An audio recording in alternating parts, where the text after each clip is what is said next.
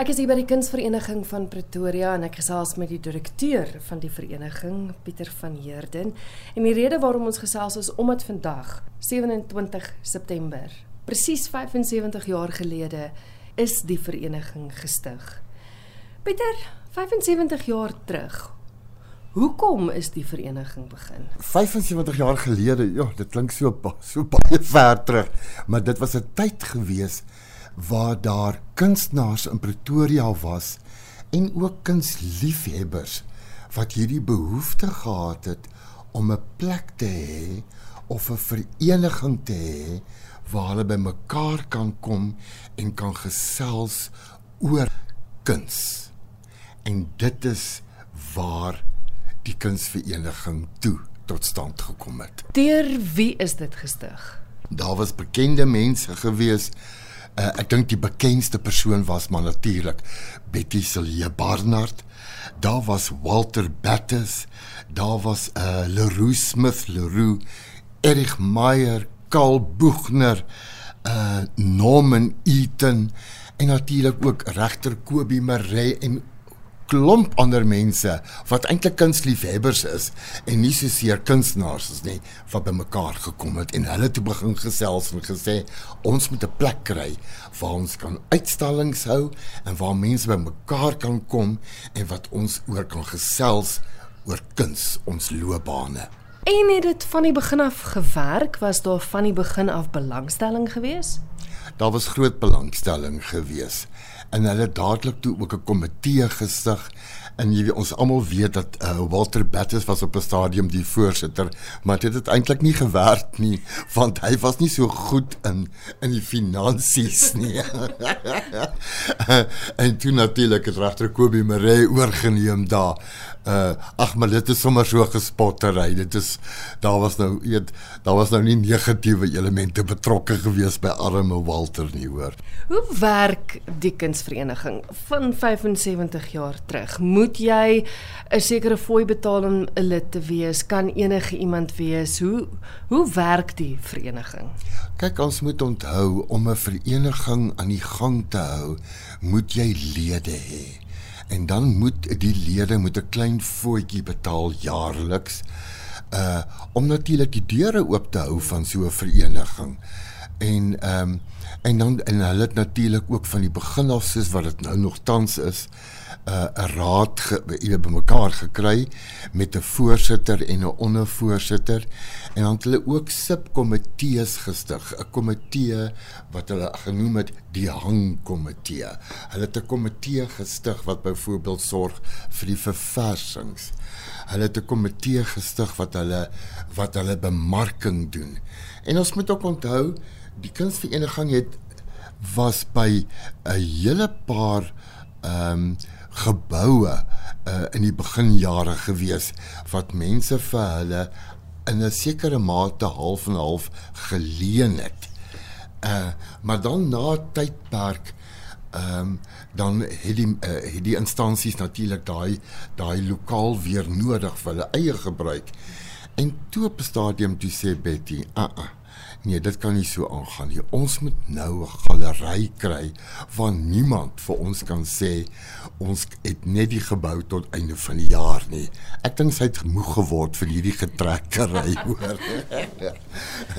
en so dit gebeur toe dat hulle ehm um, dat ons hierdie grond bekom het en ons het 'n boukomitee gestig en hierdie galery is gebou en ek moet sê uh Dit is 'n ongelooflike galery met 3 uitstalruimtes in 'n mooi omgewing en ja, ons is baie trots op hierdie galery. Wanneer het julle julle intrek geneem by die galery in Mackiestraat? Dit was in die jare gewees om en by 19 ehm um, uh 91 90 91 het ons toe nou uh hier ingetrek en toe het ons ook toe nou begin bekend staan as die kunsvereniging van Pretoria. Kyk daar is heelwat kunsverenigings reg oor die land, maar ek dink ons is een van die as ons nie die is nie, maar een van die sterkste kunsverenigings in die land. Ek het nog gewonder hoe dit werk want jy's reg as jy sê mens kry die kunsvereniging van Bellville wat bekend staan as Art B. Jy ek dink daar's ook 'n kunsvereniging van Centurion as ek reg onthou. So jy kry oral moet julle as vereniging aan 'n spesifieke organisasie behoort, al die verenigings of staan julle heeltemal op julle eie? Nee, weet jy wat? Daar is 'n oorkoepelende organisasie, SANAVA.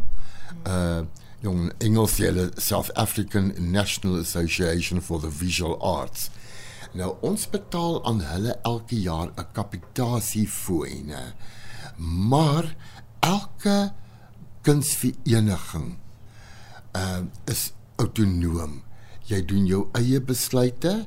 Uh die die ehm um, oorkoepelende organisasie is net daar om vir jou hulp te gee en ook ons moet onthou die oorkoepelende organisasie het ook 3 uh ateljee's in Frankryk in Parys waar kunstenaars van al die kunsverenigings kan gaan vir 'n tydperk van 3 maande om daar te kan gaan werk uh, en dis ongelooflik ja. Kan jy dalk onthou hoeveel lede daar was toe jy 75 jaar gelede begin het? Ek dink daar was om en by seker so in die 30 lede gewees. En as jy kyk na ons lede vandag, ons hardloop hier met 600 opbetaalde lede. En dan moet jy ook onthou op ons adreslys is daar ook mense wat nie lede is van die kunsvereniging nie, maar dit is byvoorbeeld uh mense wat ons graag op ons adreslys wil hê want dit is borge dit is mense wat vir ons skenkings gee nou ek kan nie as iemand as 'n groot borg byvoorbeeld vir my hierdie pattige klavier gegee het vir hom sê maar jy moet nou ook 'n lid word en jy moet nou vir my geld gee elke jaar nie dit raak nou 'n bietjie dan te erg. So. Maar ek spreek jy praat oor die mense wil ek amper of sê wat agter die skerms is want elke keer as ek by jou kom kuier is dit oor 'n uitstalling. Ek gesels met die kunstenaars wat hier uitstal. En jy het aan die begin gesê 'n vereniging kan nie bestaan sonder die lede nie. Maar hierdie ander mense, die borge. Jy sê partykeer is daar mense wat jou bel en sê wanneer hang jy? Ek wil kom help. Daar's 'n klomp mense wat nie op die voorgrond is nie, wat eintlik deur die jare gehelp het om die deure oop te hou. Maar dit is heeltemal waar. Ehm um, jy weet ek wil eintlik op hierdie groot dag wil ek eintlik al die mense wat oor al hierdie jare uh op die agtergrond was nie seker kunstenaars nie. Uh maar daar's ook kunstenaars wat ook baie gehelp het. Moenie 'n fout maak nie. Maar daar was mense wat wat werklik uh hard gewerk het agter die skerms om die deure van hierdie kunsvereniging tot vandag toe oop te hou. Ek wil graag eintlik hulde bring aan aan mense soos Betty Silje Barnard byvoorbeeld wat nou wel 'n kunstenaar ook was. Maar ek dink nie die mense besef eintlik hoe hard dit sy gewerk ehm um, tydens die hang tydperke as ons 'n nuwe uitstalling moet uh van die grond af kry, dan was sy hier gewees en van vroeg tot laat dan is sy hier gehelp om daai uh, tentoonstelling heeltemal perfek teen die mure of op die grond te kry. En dan ook mense wat vandag vir ons help. As ek dink uh hier's mense wat uh tydens 'n uh, uitstalling vir ons help in die kombuis. Hulle was die die skottelgoed, hulle was die glase. Ehm um, jy weet dis sulke mense wat nooit eintlik erkenning kry nie. En ek is so dankbaar vir hulle. Daar is selfs mense wat as ons nou byvoorbeeld die uitstallings hier monteer in die galery elke uh, elke keer. Hulle kom in, hulle kom help. Hulle verwag nie vergoeding nie want kyk ons is maar 'n nuwensgewende organisasie. So ehm um, Ja, en ek wil vir hulle almal so dankie sê. Mense wat wat kom help in die tuine byvoorbeeld, wat vir ons plante bring, wat vir Nandi sê, Nandi, jou tuin is so pragtig. Ek het nog hierdie plant en daai plant. Wil jy hê ons sê Nandi natuurlik nou. Ja, ek wil graag hê. Mense wat skenkings vir ons af en toe doen en as jy kyk na hierdie wonderlike klavier wat ons gekry het as 'n skenking, Ehm um, ja, ek wil vir al daai mense baie baie dankie sê vandag. Julle het oor die jare uitgebrei in die sin dat julle het nie meer net uitstallings nie. Jy praat nou oor die klavier, daar's ook sonnaandoggendkonserte. Julle is so nou betrokke by die Sasol nuwe handtekeninge kunskompetisie. Ek dink ook byvoorbeeld aan waardasies van kunswerke. Dit is ook 'n diens wat julle lewer aan die gemeenskap eintlik. Ja, ja, dis so. Kyk, ehm um, uh die, die, die groot rede hoekom ek hierdie klavier uh hier gekry het, hierdie pragtige vleuel. Uh 'n baie goeie vriend van my het gesê, "Jong, jy is al jy begin al te loop na die aftree ouderdom. Toe het jy nog ooit drome vir hierdie plek?" En ek het gesê, "Ehm um, natuurlik. Ek wil so graag hê dat ons 'n samesmelting moet hê van die visuele en die uitvoerende kunste."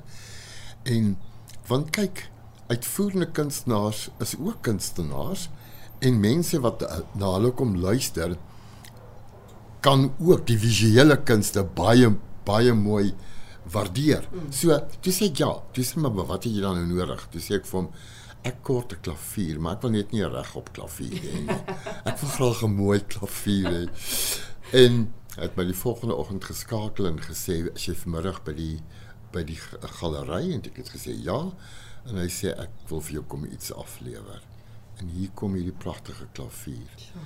En ewe skielik het ons begin met Sondag uh vanaf 12:30 tot 1 met konserte en dit is ongelooflik. Mense kan kom kyk na die kuns. Hulle kan 'n wonderlike konsert bywoon. Ons het juis een van die dae nou vir Louis Nel wat hier by ons gaan optree. Ehm um, So ja, dit is dit werk wonderlik en ons het nog pragtige lesings wat hier ons hierso het oor oor kunsonderwerpe wat uh, professor Alexander Duffy vir ons doen. En ehm um, ja, en ons doen waardasies en natuurlik uh, ek gaan help ook mense as hulle vir my skakel en sê hoor hierso ek is nou so moeg van my huis. Ek wil so graag iemand moet inkom en net my my skilderye net my vars ophang weer. Dan sê ek oh, kom ons kyk hoe lyk die dagboek en dan gaan help ons daar ook.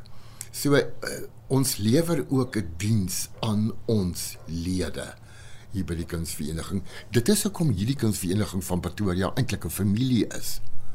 Ons is 'n familie, 'n bymekaar kom plek van mense met dieselfde belange en wat mekaar met mekaar kan lekker gesels en lag.